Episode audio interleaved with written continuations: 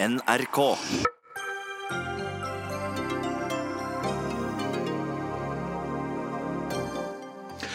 Oljeprisen har falt, verdens aksjemarkeder fikk litt av en blåmandag i går, og investorene de rømmer fra den norske kronen etter at USA har trappet opp handelskonflikten med Kina. Arbeiderpartiets valgløfte om gratis skolemat skaper usikkerhet i kommunene. Det er mer enn bare maten som koster, advarer KS, som også bekymrer seg for utbygging og tilrettelegging av spisesaler, kjøleskap og innkjøp av bestikk trenger en av landets aller flotteste fjellruter, gondolbane og spa? Ja, sier et selskap ledet av kommunens ordfører. Nei, advarer reiselivsjournalist. Og Flyktninghjelpen står i fare for å måtte stanse livreddende arbeid i Iran pga. amerikanske sanksjoner. Norske banker får nemlig ikke overført penger.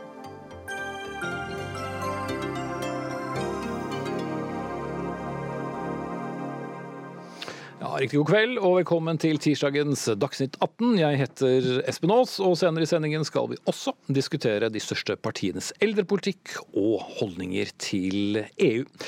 Men selv om børsene har hentet seg forsiktig inn igjen nå i ettermiddag, så fikk internasjonale markeder litt av en sjokkstart på uken i går. Børsindeksene de falt, oljeprisen falt også til sitt laveste nivå siden januar, og den norske kronen, på tross av renteoppgang her hjemme, er så lav at en euro nå koster nesten ti kroner, en dollar rundt ni.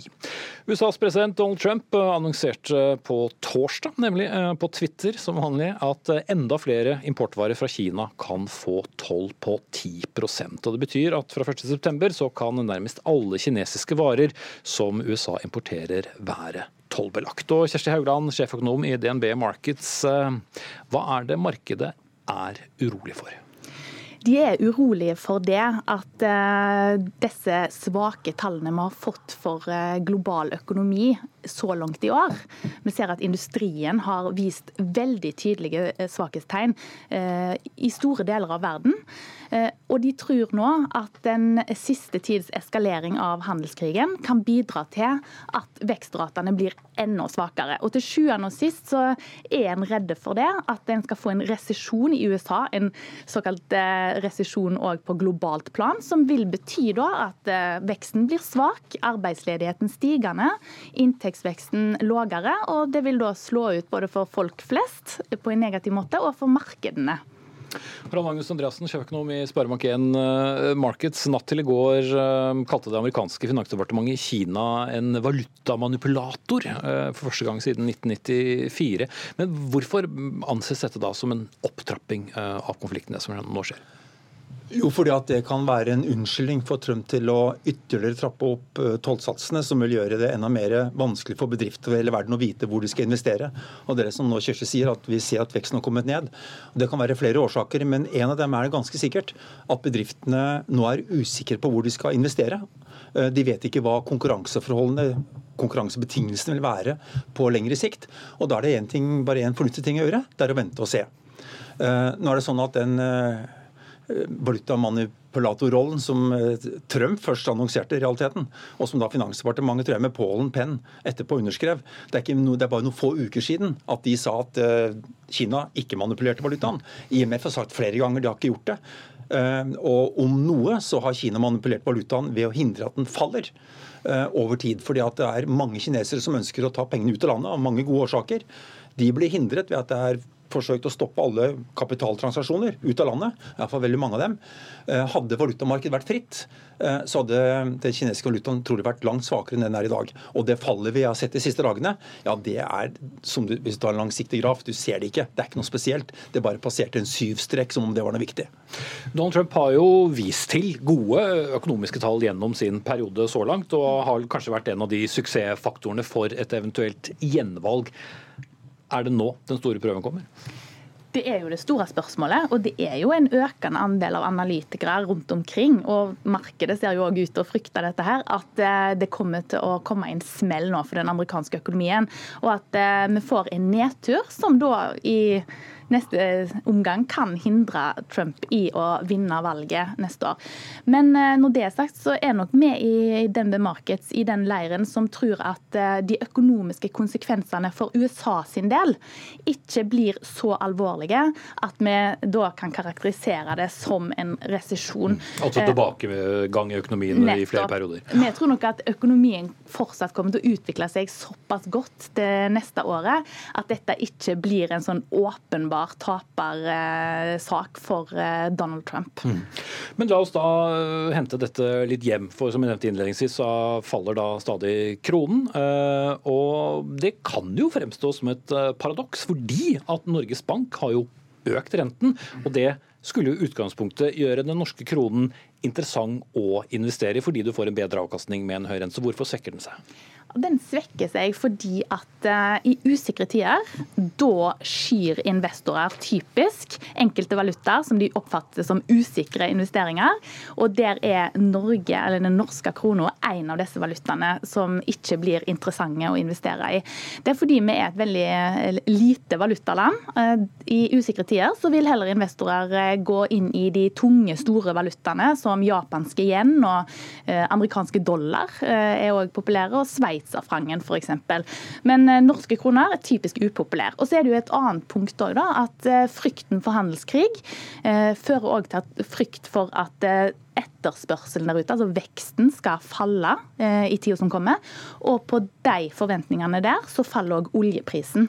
Og når oljeprisen faller, så er jo det en typisk driver for krona i negativ retning. Mm. Altså det vil typisk da føre til mindre interesse for den norske krona. Så disse to faktorer her, eh, faktorene her, med eh, redusert risikoappetitt i markedene og en lavere oljepris, de oppveier for nettopp det at Norges Bank går litt solo for tida med rentehevinger, i motsetning til de store sentralbankene. Mm.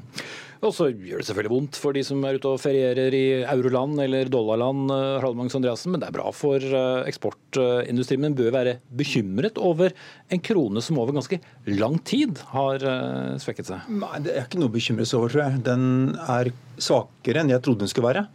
Og den er svakere enn det den normalt er gitt oljeprisen, gitt renteforskjellene. Nå er det sånn at Hvis vi sammenligner den norske kronen med kanadiske dollaren, svenske kronen og australske dollar, som er, det viser seg å være utrolig tett sammenheng med vår tid, så har de gått om jeg vil si presist likt med kronen de siste årene. Eh, det er bare de siste dagene at det har vært litt ekstra stort press ned på kronekursen, og det er jeg ikke egentlig sikker på. Jeg tror mest på at det kan bli reversert igjen. Mm. Espen Henriksen, du er førsteamanuensis ved Institutt for finans ved Handelshøyskolen eh, BI. Eh, er kronen svak?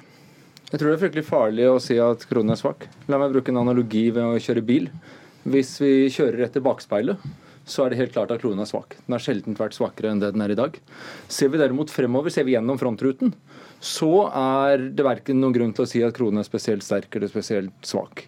Eh, hvis vi ser f.eks. et år frem i tid, så er det vel omtrent 50-50 sannsynlighet for at kronen vil være sterkere i dag. 50% sjanse for at den vil være svakere i dag. Og Det er derfor det er fryktelig viktig at når toneangivende sånn som sjefsøkonomer uttaler seg, at man ikke for snakker om at kronen er svak. For da gir man implisitt inntrykket av at man ser gjennom frontruten. Og hvis folk sier at den er svak, det betyr at den vil styrke seg. Og det betyr at folk kan både gjøre fatte dårlige valg, de kan ta spekulative veddemål, og de kan trenge å sikre seg på den måten de burde mm. gjøre. Og Det blir jo dere stadig spurt om. Hva skjer med, med, kronen? Hva skjer med inngangen eh, til 2019? Hva skjer med kronen nå? Hvordan spår man det, utover å tenke at det er like stor sjanse for begge deler? Først at jeg For, for mitt vedkommende er jeg ofte veldig forsiktig med å spå valutakurser, nettopp av den årsaken som Espen trekker opp her. Det er stor usikkerhet, eh, og vi vet hvor mye valutakursen svinger. Eh, og du skal ganske, være ganske sikker på at du er langt utenfor det normale før du gir noe råd på det. Mm. Det viktigste valutarådet jeg gir til kunder, og det gjør jeg alltid når folk spør, det er at de må redusere valutarisikoen hvis de ikke har lyst til å være valutaspekulanter. Der møter de en million andre valutaspekulanter. Og i sum tjener ingen av dem penger. De taper penger, for at meglerne som sitter imellom, sånn som oss, de tjener på det. Mm. Så det er ikke noe man skal drive med hvis man ikke har veldig spesielle forutsetninger. Og da skal man redusere risikoen med valuta, slik at bedriftene ikke får trøbbel om valutakursen, om kronekursen synker eller, eller stiger. Mm. Når, det, når det er sagt, så er det sånn at det er vi vet hva som har vært de normale driverne for kronekursen. Vi vet at oljeprisen har vært viktig, vi vet at renteforskjeller har vært viktig. Det har vært noen andre små indikatorer som også påvirket kronen. Og Da kan jeg overfor profesjonelle investorer gi råd om hvis jeg er kommet for høyt eller for lavt i forhold til det, det som det pleier å være, gitt omstendighetene. Så kan jeg si noe om hva jeg tror om kronen. Men det er egentlig eh, noe jeg ikke gjør for ofte, egentlig. Eh, og bare til de som har måte, vet hva de holder på med i andre enden. Mm. Men eh, Haugland, altså, hvor store forutsetninger har vi for å ja, se ut eh, frontvinduet? Alle kan vi se bakover og se hva som har skjedd, men hvor lett er det egentlig i dagens marked å komme med noen uh, gode uh, fremskrivinger av si, kronekurs? I ethvert marked så er det veldig vanskelig. Altså for å si sånn, Forskning viser jo nettopp det som Espen Henriksen sier her, at eh, dagens valutakurs er den aller beste eh, for, eh, spådommen for hva eh, valutakurs der i framtida kommer til å bli. Og Derfor er det sånn som Harald Magnus sier her, at eh, i, i, i, den daglige eh, situasjonen i en bank, da, der en snakker med kundene sine, så er det jo snakk om å redusere valutarisiko.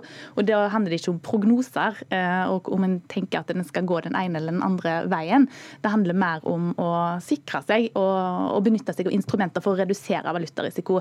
Når vi likevel lager valutakursprognoser, så handler det jo om at det er interessant for de som vi snakker med, å diskutere de forskjellige drivkreftene. Og så lager vi prognoser for den økonomiske utviklingen, for inflasjon, for renter. Og da må vi òg legge til grunn et bilde på valutakursen som er basert på de premissene vi legger til grunn. Hva tror vi om risikoappetitten? Hva tror med oljeprisen osv. Mm.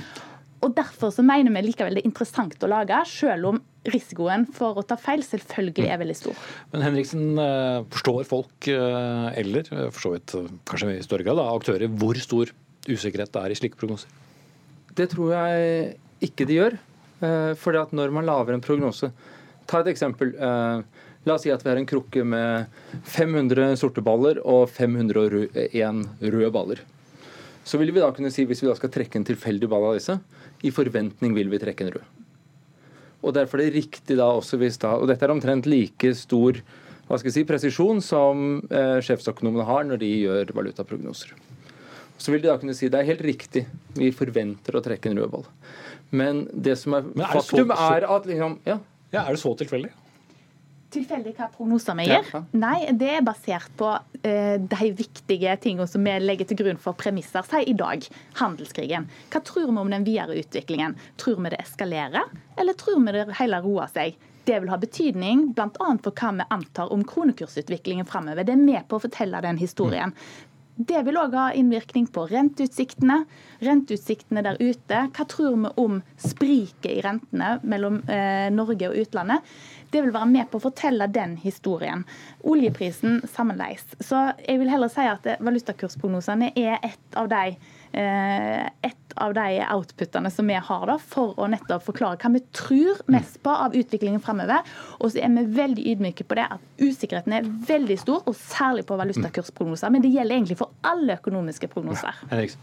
Ja, fordi at Det som Harald Magnus sa innledningsvis her, var musikk. Ja, hvor man sier vi, tar, vi driver faktisk ikke med prognosemakeri, men hvordan, helst snarere hvor han sikrer oss. Kjersti sier det er utrolig usikkerhet omkring dette. Men problemet er at det er to basi grunnleggende sett forskjellige sett av økonomiske variabler. Et sett er slik som ting vi måler, eventuelt ha en mening om handelskrig. Det handles vi ikke på. Ha en mening om hva BNP er. Det er et tall. Noe annet er å predikere om finansielle variabler. For den kronekursen vi ser i dag, den er nettopp som Harald Magnus sa, de hundretusener eller millioner som forsøker å finne ut av dette, og som reflekteres den kronekursen vi har i dag. Så hvis det da er slik at Kjersti Haugland mener at den historien hun forteller, gir en annen kronekurs, så kan det heller være grunn til å sette spørsmålstegn er den historien hun forteller, riktig? For den gir en helt annen valutakurs enn den vi faktisk observerer i markedet, og som alle andre er villige til å handle på. Og, ikke, men, og det siste som poenget er, det er jo i og for seg kan du si, Det spiller ikke noen rolle, dette er bare historier som fortelles. Problemet er hvis folk hører på det. Hvis folk faktisk tar Nettopp! Og hvis de da faktisk handler på det. Ikke de profesjonelle karene bak lukkede dører som Harald Magnus snakker om, men de vanlige kundene til DNB. Eller eventuelt sykkelpresidenter i Norge Sykkelforbund. Eller presidenter i Norge Sykkelforbund. Altså, som da tar gale valg, og som har fatale økonomiske konsekvenser. Mm. Harald Magnus Andreassen til slutt. Eh, jeg, jeg tror økonomer kan bidra med noe når det gjelder store utslag i valutakursene. Jeg har vondt for å vite når de skal skjære ut, men jeg har ofte et begrep om når de kommer tilbake igjen. Og Sånn sett har jeg nok en litt tro på at kronekursen i dag er, trolig er i svakeste laget. Et annet eksempel, bare, for det har noe å si hva analytikere driver med. En, en, en, en god eh, kollega eller en investor i det norske markedet har undersøkt resultatene av å investere på råd fra analytikere over hele verden. Og det han finner er at Når man hører på hva analytikere, aksjeanalytikere sier om kursmål på de selskapene analyserer, hvis man følger de rådene, så oppnår man en betydelig meravkastning på investeringene. Dette er gjennomført over 20-30-40 år med titusenvis av anslag og analytikeres bidrag. Og det, jeg tror det er analytikere kan bidra med noe.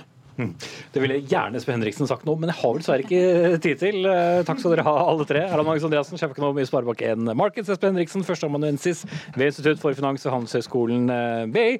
Eh, og Kjersti Haugland fra DNB Markets. Eh, og hvis du skulle lure på kursene akkurat nå, ja, så koster en euro 9 kroner og 97 øre, mens en amerikansk dollar koster 8 kroner og 91 øre. Dagsnytt 18 alle hverdager kl 18.00 på NRK P2 og NRK2. Neste post på menyen hvis jeg får si det sånn, er Arbeiderpartiets eh, valgkampløfte om gratis eh, skolemat. En eh, klassiker i valgkamp, vil kanskje noen si.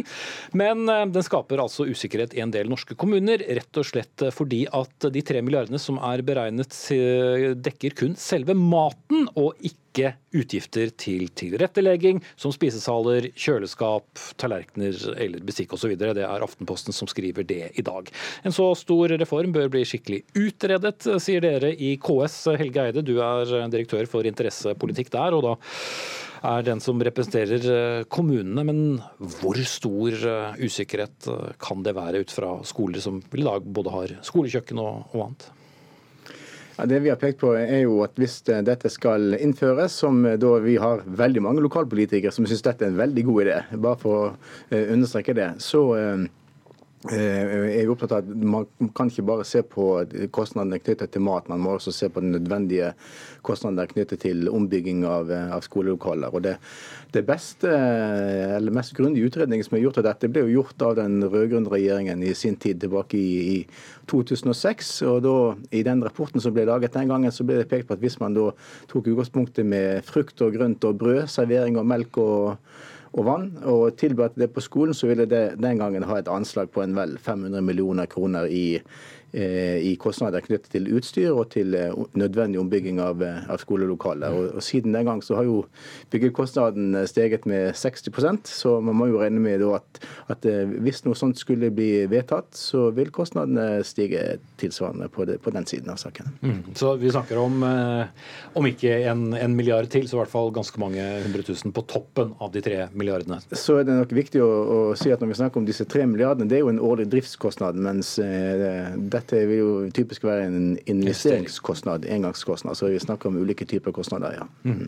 Ja, Tellef Inge Mørland, stortingsrepresentant for Arbeiderpartiet fra helse- og omsorgskomiteen. Eh, det har vært eh, lovet skolemat mange ganger, men har dere beregnet eh, dette godt nok? Vi gjør selvfølgelig en seriøs jobb på det. Og så er det klart at vi ser fra de kommunene som har innført skolemat, at det er jo litt varierende kostnader. og Det er ikke sånn at alle skoler er akkurat like, så det vil nok være noen variasjoner. Men det er et helt seriøst og skikkelig anslag som vi har gjort. Og så er det jo sånn at Landsmøtet vårt det består i stor grad av kommune- og fylkespolitikere som er medlemmer av KS, og som har sagt at dette vil vi prioritere. Men skikkelig, det er, men det er først og fremst maten dere har beregnet, og ikke de kostnadene som Helge Eide og KS? Og kostnader rundt servering Og så er det klart at Helge Eide eh, vi skal ta på alvor det KS eh, kommer med. Men som han påpeker, så er det snakk om mye engangskostnader i så fall. Og det er jo ikke sånn at vi kommer til å bygge à la carte-restauranter på, på, skolene. Det skal gjøres enkelt og, og, smidig. Og det å ha en dialog med kommunene og KS er selvfølgelig viktig her. Men dette her er absolutt løsbart. Jeg kommer sjøl fra et fylke som har valgt å innføre gratis skolefrokost på alle de videregående skolene. Har gjort det uten ei krone støtte fra Erna. Eh, med det opplegget som Arbeiderpartiet legger opp til, så vil dette her være fullt ut realiserbart og en kjempegod drahjelp for de kommunepolitikerne våre som mener at dette er viktig. Ikke bare for ernæring og mat, men òg for læringa si skyld. Mm. Men konkret, da, hva er det dyreste her for kommunene, Eide? Selv om det sikkert vil variere ut fra forutsetningene? Det vil variere Veldig. Eh, og Når man snakker om videregående skole, så er det eksempler på eh, et skoleslag hvor det som regel jo er, eller vel er skolekantiner alle steder, men hvor det kan være behov for skolekjøkkenombygging noen steder. I mange, mm. og Da er det fylkeskommunene og ja, i mange, i mange grunnskoler, som jo kommunene har ansvar for, så vil jo behovene være knyttet til å sørge for at det er tilstrekkelig kjølekapasitet, at det er tilstrekkelig rom for, for forebygging, eller unnskyld, forberedelse av, av, av maten. Eh, og Den rapporten som da ble laget eh, i, i, sin tid, i 2006, pekte jo den gangen på at i flertallet av skoler så eh, var det behov for, for slike tilpasninger. Så er det Hovedutfordringen at, at vi vet ikke noe om dette. Det er ikke gjort noen landsomfattende utredninger av dette de siste 14 årene. Så skulle det bli aktuelt i framtiden, så er vårt viktigste behov at de utredningene må gjøres. og så må kostnadsberegningene bli gjort skikkelig. Vi har god erfaring enten regjeringen er rød-grønn eller blå eller blå-grønn-gul som er i dag, ved at det tas på alvor. Vi har stor tillit til at det vil også vil skje i framtiden. Men uh, bare for å være litt uh, konkrete. altså Vi husker alle, alle, disse fine bildene av varm uh, mat i teltene utenfor Stortinget, den valgkampen som Helge Eide refererer til. Men hva er det dere mener er på en måte basistilbudet på mat, og hva mener dere Arbeiderpartiet trengs for å tilrettelegge det? Nei, det som er snakk om her, det er jo et sunt, godt, enkelt eh, måltid. Det er snakk om eh, kanskje brødskive, det kan være havregrøt, det kan være type frokostblandinger. Ikke nødvendigvis eh, kjøttkaker eller varm laks. Sånn det er ikke store kjøkken og kantiner? Det er, en annen dimensjon på det sånn sett enn det som man kanskje hadde inntrykk av i 2005. og Da var det kanskje delvis SV som flagga veldig høyt det her med, med, varm mat. Men derfor så er dette jo veldig gjennomførbart. Og så tenker jeg at dette handler om en politisk vilje. Det har landsmøtet vårt sagt at dette vil vi.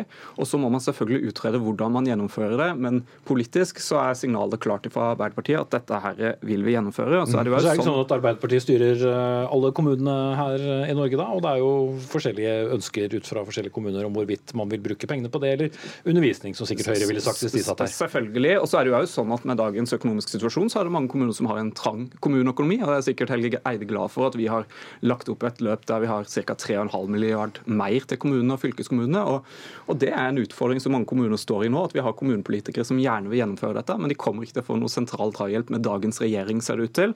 Eh, og Derfor så er vi opptatt av den dialogen som må være mellom storting og kommune- og fylkespolitikere for å få, eh, for å få dette til. Og så er det jo sånn at Vi har eh, lagt opp til en låneordning i den grad det er skolekjøkken som er nedslitt, skolebygninger som er nedslitt, som vil være en god hjelp for kommunene i tillegg. Men hva trenger du eller uh, kommunene da, Helgeide, for å, å være enda mer positive. Du har for så vidt indikert at de er positive, men de må vite hva det går til. Ja, Det er jo det som er det, enkle svaret. Nå, nå, eh, er det vel kanskje grunn til å tro med dagens politiske bilde at det ikke blir noe nasjonalt vedtak om eh, innføring av dette i denne stortingsperioden. Så vil jo neste stortingsperiode se om det blir, eh, blir forandret. Men det kommunene eh, trenger, og der er jeg helt sikker på at Tellef Inge Mørlands eh, partikollegaer som er ordfører like enige med, med KS som andre ordførere, er trygghet for at eh, nasjonale pålegg blir fullfinansiert. Mm. Pålegg, faktisk. Ja. ja, det er klart at dette skal gjøres skikkelig, og dette må gjøres i dialog med kommunene hvis vi kommer i eh, regjering. Men så tenker jeg jo at kanskje KS kan se at her kan det ligge en oppside. Altså Nå har vi forskning, eh, ny forskning som viser at gratis skolemat utjevner sosiale forskjeller.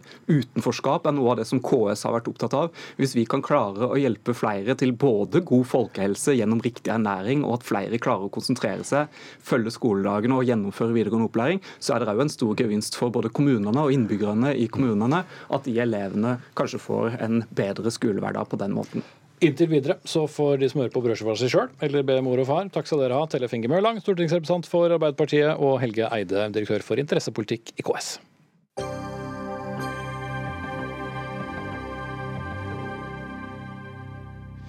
Vi snakket om eh, Donald Trump og Kina tidligere i sendingen. Senere i sendingen skal vi snakke om forholdet til Iran og sanksjoner som gjør at Flyktninghjelpen ikke får overført eh, penger via tradisjonelle banker. Både en storbank og Flyktninghjelpen kommer hit til studio for å fortelle hva som skjer der. Men vi fortsetter med det som absolutt er valgkamp. Og nå er det en annen slager, nemlig eldrepolitikken det skal handle om. Arbeiderpartiet angriper i dagens VG regjeringen og Høyres eldrepolitikk etter at Høyre i forrige uke sparket i gang valgkampen med sine løfter til eldreomsorgen. Blant annet vil Høyre gi tilbud om GPS-alarm til alle eldre med demens som bor hjemme i Høyre-kommuner, og la frem eldrepakken som heter Sjef i eget liv, som inneholder da en rekke tiltak for eldre som bor hjemme. Men nestleder i Arbeiderpartiet, Hadia Tajik, dere mener at det Høyre legger frem i forkant av valgkampen ikke holder mål. Skinner det ikke godt nok av den eldreomsorgen? Altså, De har jo masse flotte ambisjoner, men eh, Høyre har jo så langt ikke levert på de store tingene i eldreomsorgen. De har f.eks. ikke levert på nok fagfolk, og det har jo stor betydning for kvaliteten på tilbudet til våre eldre. I dag så mangler vi 4500 sykepleiere, vi mangler 2500 helsefagarbeidere, og så kommer spesialsykepleierbehovet i tillegg. De har heller ikke levert på helseteknologi. Eh, der eh, vet vi at mulighetene er ganske store. Eh, I dag er det 77 000 som personer da, som er demente. Og ganske mange av de kunne hatt nytte av å f.eks. ha en, en, trygghetsalarm, en sånn GPS. Men i dag så er det bare snaue 1300 stykker som har det, og det er i stor grad i regi av kommunene. Og Høyre har altså, skjøvet dette nedover til kommunene og dytta ansvaret over på de. Og i kommuner som f.eks. Bodø, f.eks. Eidsvoll, så har òg Høyre sagt at dette må de eldre eldre betale for sjøl. Det betyr jo at eh, eldre som du har god råd, de vil kunne ha god trygghet, mens andre eldre ikke har det. Mm. Det har jo vært andre partier som eh, kom med fagre eldreløfter også. Jeg skal ikke gjenta de. Kan helseminister Bent Høie, som sitter til min høyre side, vil gjøre det? For dere avviser i hvert fall denne kritikken og kaller den for misvisende. Ja, det har vi. og Jeg trenger ikke gå gjennom alle de ni eh, punktene punkt for punkt, fordi det kan alle lese på nettet til VG at de er godt, eh, godt tilbakevist. Som var de punktene som Arbeiderpartiet kritiserte dere for? Som de kritiserte oss for. Eh, og Det er klart at det er forskjell på GPS og trygghetsalarm. Trygghetsalarm er noe som er helt vanlig i norske kommuner. GPS er noe nytt, men det har vært en jeg tror det er 1200 økning eh, bare de to siste årene i antall eh, GPS-opplegg for, mm. for. Men for å ta det som Tajik nevnte, da, med, Men, så er det dette, som jeg er helt enig Det er utrolig viktig at vi øker eh, antallet ansatte i helse- og omsorgstjenesten. og Det gjør vi òg gjennom å styrke kommunens økonomi. og Vi har sett en god økning i antall ansatte. Det som òg er viktig, er jo nettopp kompetansen. Eh, derfor har Høyre lagt til rette for en eh, etter- og videreutdanning, eh, løft for de ansatte i disse tjenestene. Der vi bl.a. er i rute med å gi 15 000 flere fagarbeidere etter, etterutdanning. Eh, så Det er jo veldig viktig for, for kvaliteten. og Vi gir òg et løft for eh, ledelsesutdanningen i denne sektoren. rett og slett fordi at Det er noe av det som vi får mye tilbakemelding for de som jobber i sektoren. at har stor betydning for deres arbeidshverdag eh, og kvaliteten på tjenesten. Men det som vi nå kom med et løfte på i forrige uke, det handler jo om noe som gjerne har vært litt underkommunisert når vi snakker om eldreomsorg. Det er rett og slett at veldig ofte når vi politikere snakker om eldreomsorg, så snakker vi om sykehjem. Og det er viktig. Men de aller fleste over 80 år i Norge de bor hjemme av seg sjøl, og de ønsker å bo hjemme så lenge som mulig. Og Det Høyre nå har kommet med det er en, Og det er jo billigere òg? Ja, men det er også det som er Den enkelte ønsker jo ofte å bo hjemme sjøl hvis den føler seg trygg, hvis den trives og hvis den får kvalitet på de tjenestene som er. Og Da har Høyre nå lagt fram en pakke som vi forplikter våre lokalpolitikere på som nettopp inneholder konkrete tiltak for at eldre som bor hjemme, f.eks. en dag i uka minst, skal ha muligheten til å delta i felles aktiviteter. Eh, oppleve det sosiale fellesskapet. Kunne handle selv, kunne ivareta hus og hjem okay. på en god, god måte. Og ikke minst føle trygghet for at eh, hvis de har behov for hjelp, så kommer kommunen med gode hjemmetjenester. Og Det er viktig for at alle de eldre som bor hjemme, men òg de som ønsker å bo hjemme, skal ha muligheten til det. Alle store partier er alltid opptatt eh, av de eldre, og det vet eh, alle eldre hver eneste gang det er valgkamp. Og For all del, dere har deres løfter, Hadia Tajik, Høyre har sine. Men hvor går det store skillet, egentlig? Altså En veldig tydelig forskjell er at mens Høyre dels kommer med vennlige oppfordringer til kommunene om at eh, dette bør de prioritere, dels vedtar eh, lovfesta rettigheter, eh, så ser vi at de likevel ikke stiller opp med det som faktisk skal til for å gjennomføre dette her. For så har de sørga for at man har fått vedtatt en slags rett til sykehjemsplass, men når man ser på hva dette betyr i praksis, så har man altså fått rett til å få et vedtak, et papir i hånda som sier at du burde fått en sykehjemsplass sykehjemsplass. Du har fått rett til å stå i kø for å få en sykehjemsplass, men gudene må vite hvor lenge du må stå i den køen før du faktisk får sykehjemsplassen. Så når vi nå får høre da, at uh, Høyre har uh, ideer og planer om hvordan man bedre skal ha et tilbud òg for uh, de som er godt voksne, men klare i hodet og har lyst til å være aktive, så er det fint at de skal få de rettighetene, de mulighetene, at kommunene skal ha de forventningene. Men hvor i alle dager er de statlige satsingene? Hvor er pengene som skal til for å gjennomføre dette her? For det er det vi ser gang på gang. De skyver ansvaret over på kommunene. Regningen går enten til kommunen eller til den eldre sjøl. Dette gjør jo at eh, det blir ganske store forskjeller på hva tilbudet er, avhengig av hvor mye penger du sjøl har, og avhengig av hvor mye penger kommunen din har. Jeg sitter der, to stortingspolitikere og snakker om eh, kommunevalgkampen, men det er jo til sjuende og sist da kommunene som eh, skal drive eldreomsorgen i kommunene, Bente Høie? Ja, og derfor er akkurat den satsingen på hjemmeboende eldre det er et løfte som vi gir på vegne av våre lokalpolitikere, som de kommer til å følge opp på samme måten som de fulgte opp når Erna Solberg og meg gikk ut og sa at de skulle flytte middagen eh, på sykehjemmene til middagstid. Halvparten av de som bodde på sykehjem, fikk middag før klokka to. Det førte til underernæring, eh, feilmedisinering, ganske store negative konsekvenser. Etter vi ga våre eh, lokalpolitikere den oppfordringen, så viste jo Kommunal Rapport nå i januar at eh, nå er det sånn at to av tre som bor på sykehjem, får middag til middagstid. Mm. Så er det sånn at det, Når det gjelder nettopp det å være villig til å styre på dette området, så stemmer jo Arbeiderpartiet konsekvent imot. Vi innførte rett til sykehjemsplass. Arbeiderpartiet stemte imot. Og Hvorfor gjorde vi det? Det var jo fordi at Før så var det ingen som visste hvor mange som venta på sykehjemsplass. En visste ikke om kommunen ville gi en sykehjemsplass. Og lokalpolitikerne hadde ikke oversikt i sin kommune om det faktisk var folk som hadde fått, eh, skulle ha hatt sykehjemsplass. Nå finnes dette både lokalt, nasjonalt oversikt, og det legger press på utbygging. Når vi innførte lovfesta krav til kompetanse i eldreomsorgen, så stemte Arbeiderpartiet imot. Okay, Når vi nå sier hele jo, men nå, jo, listen. Ja, jeg skal svare veldig kort og greit på dette her, fordi Det disse såkalte rettighetene i praksis egentlig er, er ingenting. Fordi det er noe sånn at eh, Eldre hadde allerede før Høyre kom med dette forslaget, rett til å få den hjelpen de har behov for. Det var lovfesta. Den skulle være tilpassa. Den skal være sånn at den eldre òg er involvert i eh, beslutningen om hva slags hjelp det er han eller hun faktisk får. Så det denne endringen som Høyre her har introdusert med en såkalt lovfesta rett til sykehjemsplass betyr, er at du får et ark som sier at du burde fått sykehjemsplass. Nå står du i kø, men vi aner ikke hva tid du kommer til å få det. Det er ikke sånn at det har blitt flere sykehjemsplasser. Det er ikke sånn at tilbudet har blitt bedre for de eldre. Realiteten er bare at du har fått et vedtak om at du burde fått det.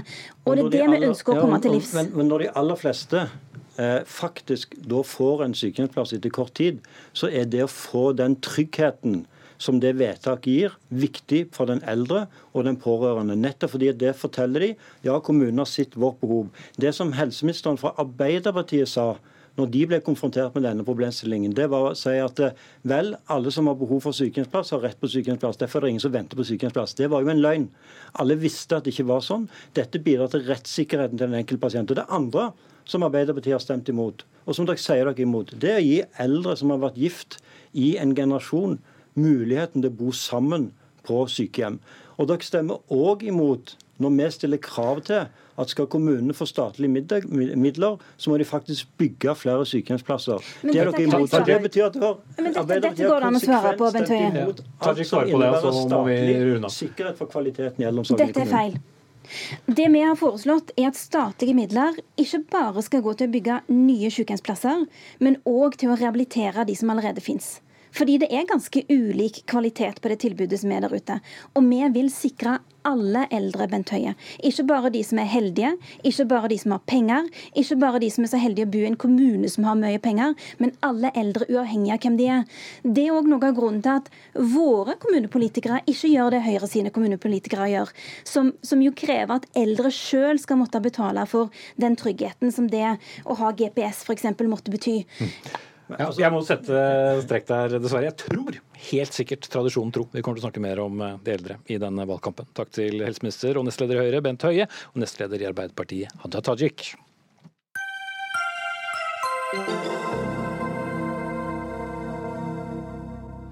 Vi skal eh, opp i høyden, eller kanskje se for oss det. For en av eh, landets eh, kanskje aller flotteste fjellturer man kan gå, nemlig Romsdalseggen, kan nå bli tilgjengelig for enda flere dersom reiselivsselskapet Romsdalen, der kommunens ordfører er styreleder, får det som den vil.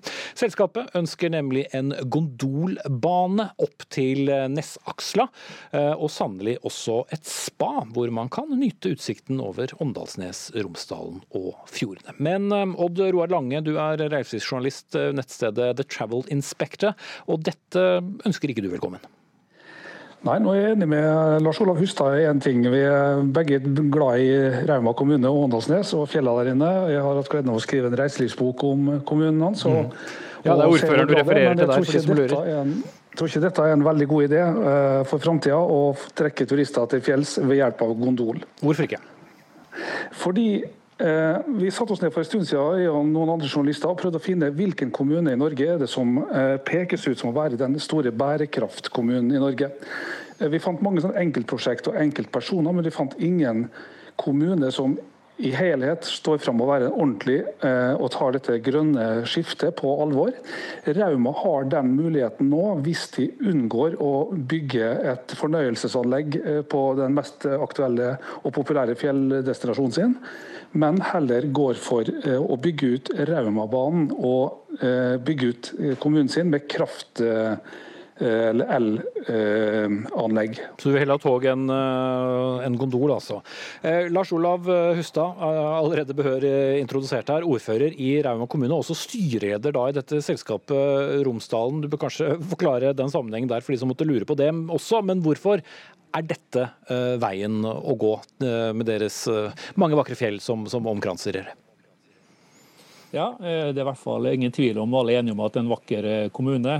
Men vi har sett over lang tid at verdiskapingen innenfor reiseliv den er dessverre for lav. Det er jo slik at eh, det mest populære fjellet og fjellpartiet i vårt kommune er ikke som å dra Langene på Nesaksla, men det er Trollstigen som helt fra 1936 har vært verdenskjent. Eh, og Der oppe har jo og det blitt tilrettelagt de siste åra av staten gjennom eh, nasjonale turistveier. Men det som er helt sikkert, er at vi ønsker å få mer aktivitet ned til Åndalsnes sentrum. Vi ønsker å skape mer aktivitet for alle de turistene som drar gjennom kommunen vår. Det er jo stipulert at én million turister drar hver, hver, sesong omtrent gjennom kommunen, men bare fåtallet av dem stopper og legger igjen penger. Det vi ønsker er jo selvfølgelig at vi ikke blir bare en destinasjon eller på vei til noe annet, og så stopper vi å ta tre bilder av uh, Trollstigen, men at vi klarer å skape flere aktiviteter. Og når det gjelder bærekraft, så er det jo slik at vi legger ikke opp til uh, at det skal være cruiseturister uh, som skal ta gondolen først og fremst.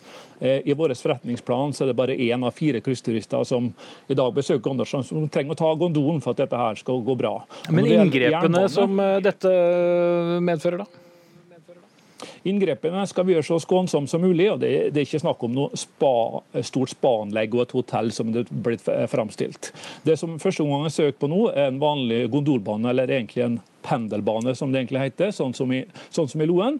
Og så vil eh, investorer teste ut muligheten for å kanskje tilrettelegge for litt eh, bad- og dusjanlegg og litt eh, fjellhytte eller cabins som landskapshotell, sånn som eh, Juve landskapshotell i Valldal, der det er plass til to stykker i noen små, små hytter. Det er ingen store inngrep, og alt blir bygd i takt med, med naturen. Og selvfølgelig går dette på strøm fra vårt eget kraftselskap, Raum Energi. Ok, Lange. Nei, eh, Det høres fint ut, dette, her, men eh, alle som har sett sånne pendelanlegg, ser jo at det, at det er klart det store inngrep. Eh, det ene er jo det, og det andre er jo at jeg syns debatten om dette her har tatt en litt feil retning. Ordføreren har i leserinnlegg omtalt dem som er kritiske til gondol. Eh, som bakstreverske og tar to skritt tilbake istedenfor ett fram. Jeg tror det er veldig dumt. Jeg tror det er veldig lurt å, å eh, bringe dem som er kritiske til gondol inn i samme rommet som dem som er for, slik at man kan i fellesskap finne et, eh, et godt eh, produkt som gjør at Åndalsnes eh, fortsatt skal være verdens beste kommune for folk som er glad i fjell og natur. Mm. Eh, Hustad, men kan du... Jeg må få kommentere en påstand der. fordi Det er ikke riktig at vi har sagt at de står, eh, tar to skritt tilbake. Så det som leserinnlegget var mynta på, var at vi må utvikle oss hele veien. Og Som en vending så sier jeg at den som står i ro, den står jo egentlig ikke i ro, den tar to skritt tilbake. Men det var ikke mynta på at vi ikke kan ha en god debatt om dette kontorprosjektet. Det skal vi ha. Respekt for alle meningene som alle andre har. Men Odd Roar Lange lever jo av klikk, og han må jo skape overskrifter. Så, så, sånn er det bare. Men det er en interessant debatt som jeg ønsker alle velkommen til. Men jeg må bare spørre deg om en ting, ja. Hustad, som jeg tror eh, mange med meg lurer på. For du er da både ordfører og styreleder i dette selskapet. Har du på deg begge hattene samtidig?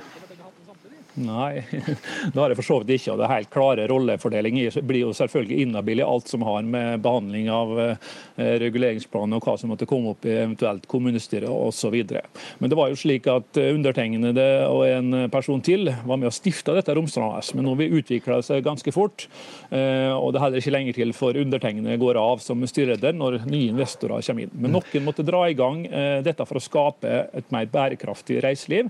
Det er kun 4 av verdiskaping av kommunen kommunen vår som kommer fra reiselivet. Vi har én million reisende forbi oss. Da må vi gjøre noe med det. fordi at folk, statistikken, befolkningsutviklinga fra SSB, den er en dyster lesing hvis du leser fram til 2040.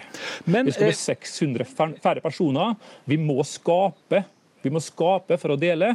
Derfor må det være slik at vi da kan legge til rette for en vekst innenfor dette området. Men det skal det, det, gjøres på en flott og fin måte. Mm, der siterte du til og med Arbeiderpartiet, hørte jeg. Men eh, det andre jeg lurer litt på eh, Du har jo selv snakket om, om Trollstigen, og det er Trollveggen, og dere har jo for så vidt Mannen også, hvis noen vil stå og se om den eh, faller i, i, kommunen. Men noe av poenget med den norske fjellheimen er jo at mange assosierer den med å være ganske så uberørt.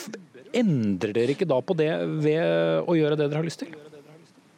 Eh, nei, altså jeg hører mange bruker det argumentet. Aksla, Nesaksla, da, som, eh, som, er et byfjell, et, eh, det nærmeste sentrum vi har. Da har vi allerede lagt til rette for at vi har bygd trapper, trapper som Skjerpen har stått for. Vi har bygd via ferrata, vi har bygd et eget utsiktspunkt. Vi har gjort det altså for så vidt Nesaksla litt kommersiell, for å bruke et slikt uttrykk. Der er mange som ferdes allerede, både opp og ned. Vi har over 250 andre topper rundt om i kommunen her, som vi kan ramse opp som, i tillegg til alle du nevnte, som vi kan gå på uten å møte en eneste person. Så Hvis det er det som er utfordringen, så tror jeg vi skal finne mange mange, mange ruter til mange andre. Men her snakker vi altså at vi videreutvikler et konsept der vi skaper en verdi for kommunen som gjør at vi kan leve og bo i kommunen. Distrikts-Norge ønsker å skape næring. Vi kan ikke sitte med lue i hånda og se på at det bare forvitrer det store, flotte samfunnet vi har fra før. Ja, og Droa Lange, Det er jo poeng at hvis hvis, skal, eh, hvis turister skal reise seg, så må det jo også være et eh, levedyktig sentrum. Og mm, da må det eh, være noe mer. Ja, det er jeg helt enig i. og Jeg er enig med Hustad i det. og Jeg har nå hatt gleden av å reise jorda rundt og få se på eh, suksessoppskrifter innenfor turisme.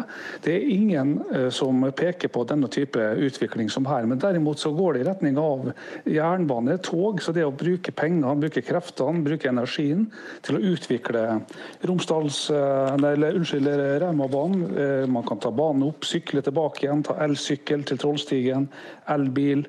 Eh, elbåt. Eh, det tror jeg kommer til å være et objekt som gjør at folk vil reise veldig langt og være veldig lenge i Rauma for å oppleve. Nå hører jeg ordføreren og styrelederen gjerne vil inn. Det har vi dessverre ikke tid til, men jeg kan si at eh, kommunestyret har godkjent kommunedelplanen med gondol, men den er nå satt ut på høring. Takk til Lars Olav Hustad, ordfører i Rauma kommune, altså, og styreleder i selskapet Romsdalen, og Odd Roar Lange, reiselivsjournalist ved nettstedet The Travel Inspector.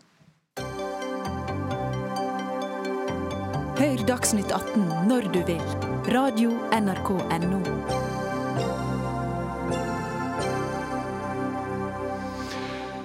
Flyktninghjelpen risikerer å måtte stanse hjelpearbeid for millioner av afghanske flyktninger og flomofre i Iran, kunne vi lese i Nettavisen. Årsaken er at internasjonale banker ikke vil overføre nødhjelpspenger til Iran. For dersom de gjør det, ja, så risikerer de selv å bli rammet av de amerikanske sanksjonene. Og Jan Egeland, stadig generalsekretær i Flyktninghjelpen, hva slags situasjon er det dere nå konkret står oppe i?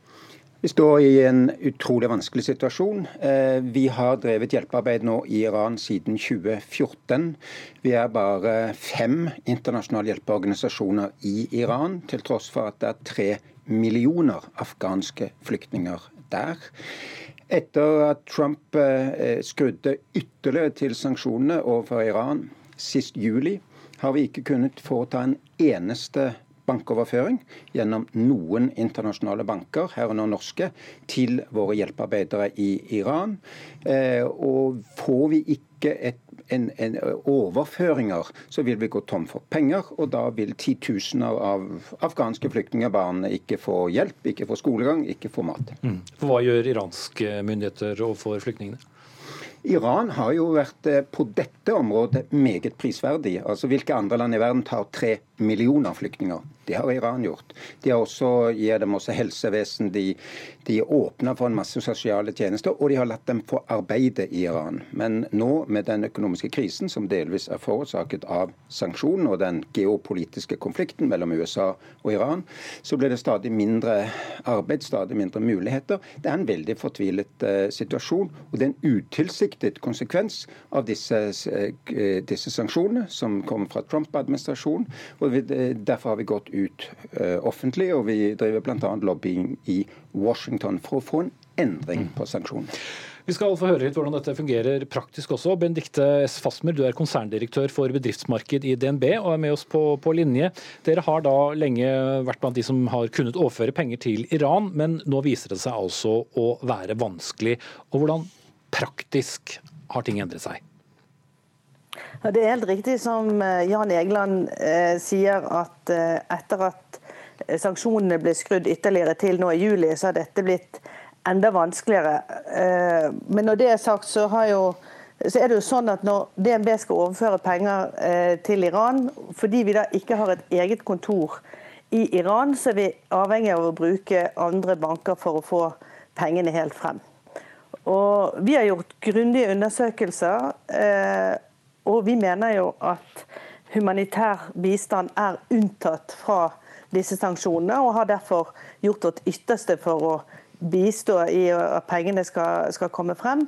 Men hvis ikke de andre bankene vi da samarbeider med tenker likt som oss og tolker sanksjonsregelverket likt, så fører det altså ikke helt frem. Mm. Så da får dere rett og slett beskjeden dette går ikke? Det er helt riktig. Mm. Men Egeland vil jo tro at det finnes klare unntak i all verdens sanksjonsregelverk for nettopp eh, nødhjelp? Ja, det, ja, det, altså, det, burde vært veldig klare uh, unntak, som veldig eksplisitt, altså uttalte. Uh, slik at banker som DNB, uh, som er villige til å hjelpe oss, både kan, vil og tør overføre pengene. Men det er det jo ikke. Det er noen klausuler som sier at materiell hjelp, f.eks. mat, kan gå, en kornlast kunne gå til nødstedte.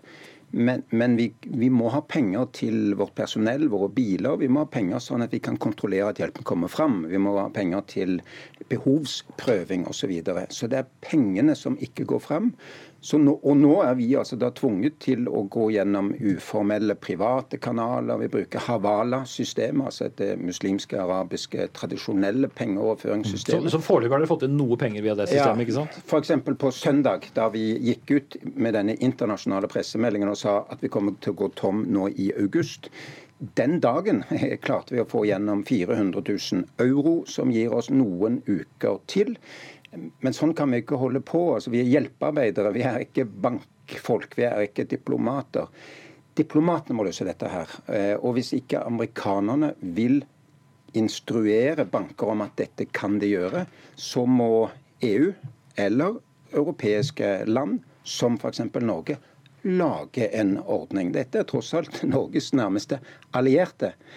Og, og man kan jo ikke sitte og se på at uh, Trump sånn sett sulter afghanske flyktningbarn mm. fordi han er mot regimet i Teheran. Selv om det var den tilsiktede hensikten. Ja. Men uh, Fastmer, hva kan da DNB gjøre, som er en stor skandinavisk bank, men blir kanskje liten i den store internasjonale sammenheng? Nei, altså, Jeg har veldig lyst til å innlede med å si at vi virkelig bryr oss om den humanitære situasjonen. Eh, og Nettopp derfor har virkelig lagt oss i selen for å, å bidra til å få dette til. Og eh, Det er nok dessverre slik som Egeland sier, at eh, vi er nødt til å jobbe politisk for å, å få eh, sanksjonsregelverket til å bli tydeligere akkurat på dette punktet. Og i den grad vi kan bidra, så vil vi selvfølgelig også bidra eh, i, den, eh, i, den, sammenheng. Men eh, igjen, jeg vil jo ikke verken håpe eller tro at det har vært intensjonen at humanitær bistand skal være innbefattet av disse sanksjonene. Så her burde det være mulig å få internasjonal oppmerksomhet, og det trenger vi ganske raskt. Eh, kort til slutt, eh, Fastmer, løper man noen risiko hvis man eh, ikke er forsiktig som en finansinstitusjon eller finansaktør når det er innført sanksjoner overfor et land?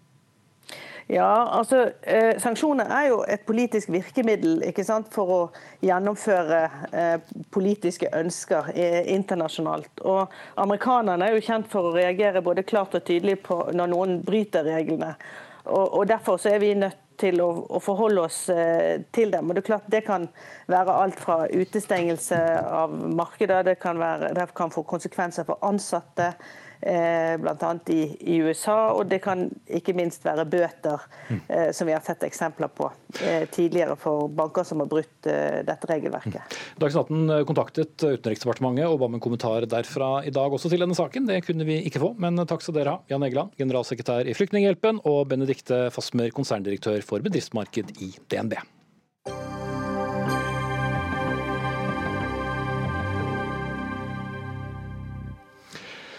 Regjeringspartiet Venstre tar nå et oppgjør med de såkalte EU-kritiske partiene på Stortinget. Det betyr altså SV og Senterpartiet og Rødt, som Venstre mener heller vil drive kamp mot EU enn å bidra til den fornybare revolusjonen i Europa. Den som eh, bruker disse ord, er leder av Stortingets energi- og miljøkomité, Kjetil Kjenseth fra Venstre, og han skriver dette i Dagbladet. Heldigvis Heldigvis har vi et borgerlig flertall som vil sørge for at ren norsk energi bidrar til EUs klimapolitikk. Men eh, Trygve Slagsvold Vedum, leder i Senterpartiet, ikke kjent for å omfavne EU i særlig stor grad. Eh, du har reagert på, på dette innlegget? Ja, for at det Venstre og regjeringa tar til orde for, er at vi skal gi fra oss kontroll over viktige deler av norsk energipolitikk. Og det har vært en enormt viktig del når vi ser på verdiskaping etter kysten. Mm. Og nå er du på ACER? Uh, ja, det er det, det er det det handler om. Altså at Man skal gi fra beslutningsmyndighet fra Norge til EU. Et EU som det norske folk sa nei til i 1994. Og Når du ser norsk historie, så har energipolitikken vært noe av det viktigste til å bygge industri, bygge verdiskapning, gjøre Norge til det Norge som vi er så glad i. Og så har vi også hatt en fordel for norske forbrukere, deg og meg, at vi har hatt en lav strømpris her. Og Det er ikke så dumt når vi har det kalde, mørke landet som vi har. Og Når du ser EU sin målsetning, så er det mest mulig lik energipris i hele Europa. Og så skal de kunne gå inn og bestemme f.eks. av kabelpolitikken om vi skal måtte bygge nye kabler hvis det ligger inne i eksisterende planer. Og Den nye pakka kan også se på konsesjonsregelverk når det gjelder vannkraft, når eller eh, vindkraft, utbygging av fornybar energi, og gi fra seg den nasjonale kontrollen over det. Gi det til et EU-byråkrati og tro at dem vurderer bedre enn folk og politikere i Norge. Det mener jeg er grunnleggende feil. Og det er også et historisk brudd fra Venstre at de har mer tro på EU enn nasjonalstaten Norge. Så skal det sies at det er forskjellige oppfatninger av eh, hvor stor makt EU eh, da har via dette direktivet, som er mye av debatten i, i ACER. Og Kjetil Kjenseth, du er altså med oss på, på linje, stortingsrepresentant for Venstre, altså, leder av Stortingets energi- og miljøkomité. Ren energi er fremtiden, skriver du, eh, og betviler altså eh, at disse opposisjonspartiene er med på dette. Altså det viktige er at vi begynner å diskutere det som er uh, viktig for å løse klimautfordringen. Det er ren og fornybar energi. Og Da blir ACER-diskusjonen en avsporing i det. For det ligger ikke til eh, verken EU eller ACER å ta fra Norge noen som helst makt over energiforsyningen vår. EU kan ikke gripe inn og bestemme at vi skal bygge utenlandskabler f.eks. Det ligger til Stortinget og regjeringen. Så ACER er et organ som, eh, som er mer som et trafikkpoliti for strømhandel i, i, EU. Eh, og Det er norske kommuner og norsk offentlig sektor som i hovedsak eier vannkraft produksjon i Norge. Det er ingen som kommer og tar fra oss den, med mindre Senterpartikommuner er villige til å selge for en pris. Eh, og Derfor så er det, er det en avsporing av debatten som Senterpartiet hele tida holder på med. Jeg syns at vi skal senke skuldrene litt med nei til EU-debatten, og heller innrømme at 500 eh, millioner på det europeiske kontinentet har en stor betydning for hvordan vi kan um, få redusert klimautslippene i verden, og at det må vi samarbeide om. Mm. Dette er ikke noe innlegg i verken for eller mot EU, men akkurat ACER det er en avsporing av debatten. Men det, står, ja, men det står jo på side sju i den proposisjonen som regjeringa sjøl la fram, at dette er en myndighetsoverføring fra Norge til EU. Altså Den skal gi fra seg kontroll, gi, seg, gi fra seg makt over viktige deler av norsk energipolitikk. Og Så kom EU med fjerde energimarkedspakke i sommer, der de sier det helt klart at man kan kunne gå inn og fatte vedtak når det gjelder skal, hvordan utenlandsnett skal bygges. Det står også helt klart, hvis du har lest regelverket, Kjenseth, om konsesjoner på vindkraft og vannkraft. Og det, være, og det, er det som er så skummelt med Venstre, at det virker som nå at man glemmer hvor viktig det er å glemmer hvor viktig det er å ha nasjonal kontroll over energipolitikken. Og nå, og nå er vi i en fase for at om noen år så vil olje- og gassindustri bli litt mindre viktig i Norge. Og det er viktig at vi får på plass ny industri. Og hva har vært det viktigste konkurransefortrinnet for norsk industri? Jo, nettopp lav strømpris, lav energipris, som gjør at det er bygd industri etter kysten vår. Og, og, og, da må vi sørge for at vi framover også kan ha en lav energipris i Norge, som gjør at norske bedrifter konkurrerer bedre mot tyske og andre bedrifter. Mm. Ja, Vi har verdens laveste energipris. og nå, eh, Den muligheten norske, norsk industri har, er jo at de kan inngå langsiktige kontrakter på 15-20 år. og Det har de gjort. med også med, med, vindkraftutbyggere, men i stor grad med, med, norsk vannkraft. Og de har de beste betingelsene eh, for strøm eh, faktisk i Europa. Så det, her har Norge en veldig stor grad av kontroll over egen forsyning. og vi, eh, Det ligger én eh, utenlandskabel til konsesjonsbehandling i, i NV. Så det er jo ingen stor diskusjon om en storstilt utbygging av kabler. Og Det var Senterpartiet som åpna for at vi har et nordisk kraftmarked i 1990 og dagens energilov.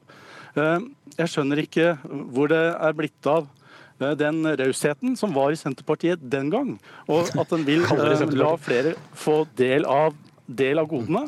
Og nå er jo utfordringen større enn noen gang med å løse utfordringen med å skape fornybar energi Jeg får bare la meg spole tilbake til, til det som Kjenseth skriver. For det han jo egentlig beskylder dere for, er å bruke veldig mye tid på en omkamp på, eh, på, på ACER. Eh, og selvfølgelig snakke til eh, den store andelen av nordmenn som er skeptiske til EU, som for all del er, er et flertall. Men er det riktig bruk av politisk tid? Men det er enormt viktig å ha kontroll over energipolitikken. Og nå har jo EU kommet med en ny pakke nå, der man skal flytte enda mer makt ut av Norge som land, til Brussel og til EU og til eh, ACER, som står, ligger i Slovenia. Og da må, vi ha, en, ja, da må vi ha en debatt om det. Eh, er det riktig at vi skal gi fra oss mer og mer kontroll over norsk energipolitikk? For den nye energimarkedspakka så kan man også begynne å gi fra seg kontroll når det gjelder konsesjonsregelverk på vindkraft og vannkraft. Hvilken makt vi gir fra oss ved det. Ja, for, Da må du bare lese det. da. For der så står det helt klart at man skal legge fram tiårsplaner for, for, nettutbygging, for nettutbygging i Norge. Og hvis ikke norske myndigheter følger det opp, så kan, hvem hvem så kan, kan bygge e utenlandskabler? Så kan EU gå inn og kontrollere det. Og så har jo dagens regjering eh, gjort en veldig, veldig eh, stor feil, mener jeg. At de har endra lovverket som gjør at private aktører kan gå inn og bygge utenlandskabler. Ja, man ønsker mer konkurranse på det. Må drifte de kablene. Men det er dere som Statnett må drifte de kablene, så vi har ikke gitt fra oss noen makt. Det er en statlig kontroll over driften av de kablene hvis de blir bygd. Og det er én aktør som har søkt, og en mulig utbygger de neste ti årene. Så det er ingen motorvei av ny fornybar strøm ut av Norge. Men det er også en utfordring for Europa å skaffe den energien som skal til for å erstatte men, kull og olje og gass for det, det, å ta ned klimautslippene i verden. Eh, Kjenseth, har det så mye å si likevel at uh, Vedum og uh, Rødt og SV da uh, opprettholder den kritiske holdningen de har til EU, når politikken er vedtatt som det den er? Uh, nei, Det kan du si, men det, det er, jeg skjønner ikke hvorfor at uh, type uh, eh, SV, da, som, som, og Senterpartiet også, som har vært positive til å gjøre klimakutt, skal bruke um, også avspore debatten med teknikaliteter. For at ACER er jo ingen viktig aktør for Norge i vår energipolitikk. Det er, det er Norge som bestemmer det. det er, eh, norsk kraftproduksjon er eid av offentlige aktører til 95% så det er jo ingen, det er ikke den debatten vi står i. Den store debatten er hvilken klimautfordring vi står i. Og Hvorfor vil du ikke ta den Vedum, hvis du kan svare veldig kort på det? Men selvfølgelig, men, selvfølgelig men, men, jeg tror ikke Kjenseth har lest EUs eh, fjerde energimarkedspakke som kom nå i sommer. Den ligger på dansk, og hvis vi vil finne den der, og den er jo helt krystallklar på at den skal ta fra statene makt, at den skal ta fra land som Norge makt, gi det til EU-byråkratiet. Og så sier Kjenseth sjøl Der blir de 20 sekundene som jeg lovte over. Beklager, mine herrer. Trygve Slagsvold Vedum, leder av Senterpartiet, og Kjetil Kjenseth, stortingsrepresentant for Venstre. Vår tid eh, er ute, uansett hvor oppildnet dere er. Ansvarlig for eh, sendingen, Leila Fratovic. Eh, teknisk ansvarlig, Erik Sandbråten. Jeg heter Espen Aas. Sigrid Solund er tilbake med Dagsnytt 18 i morgen.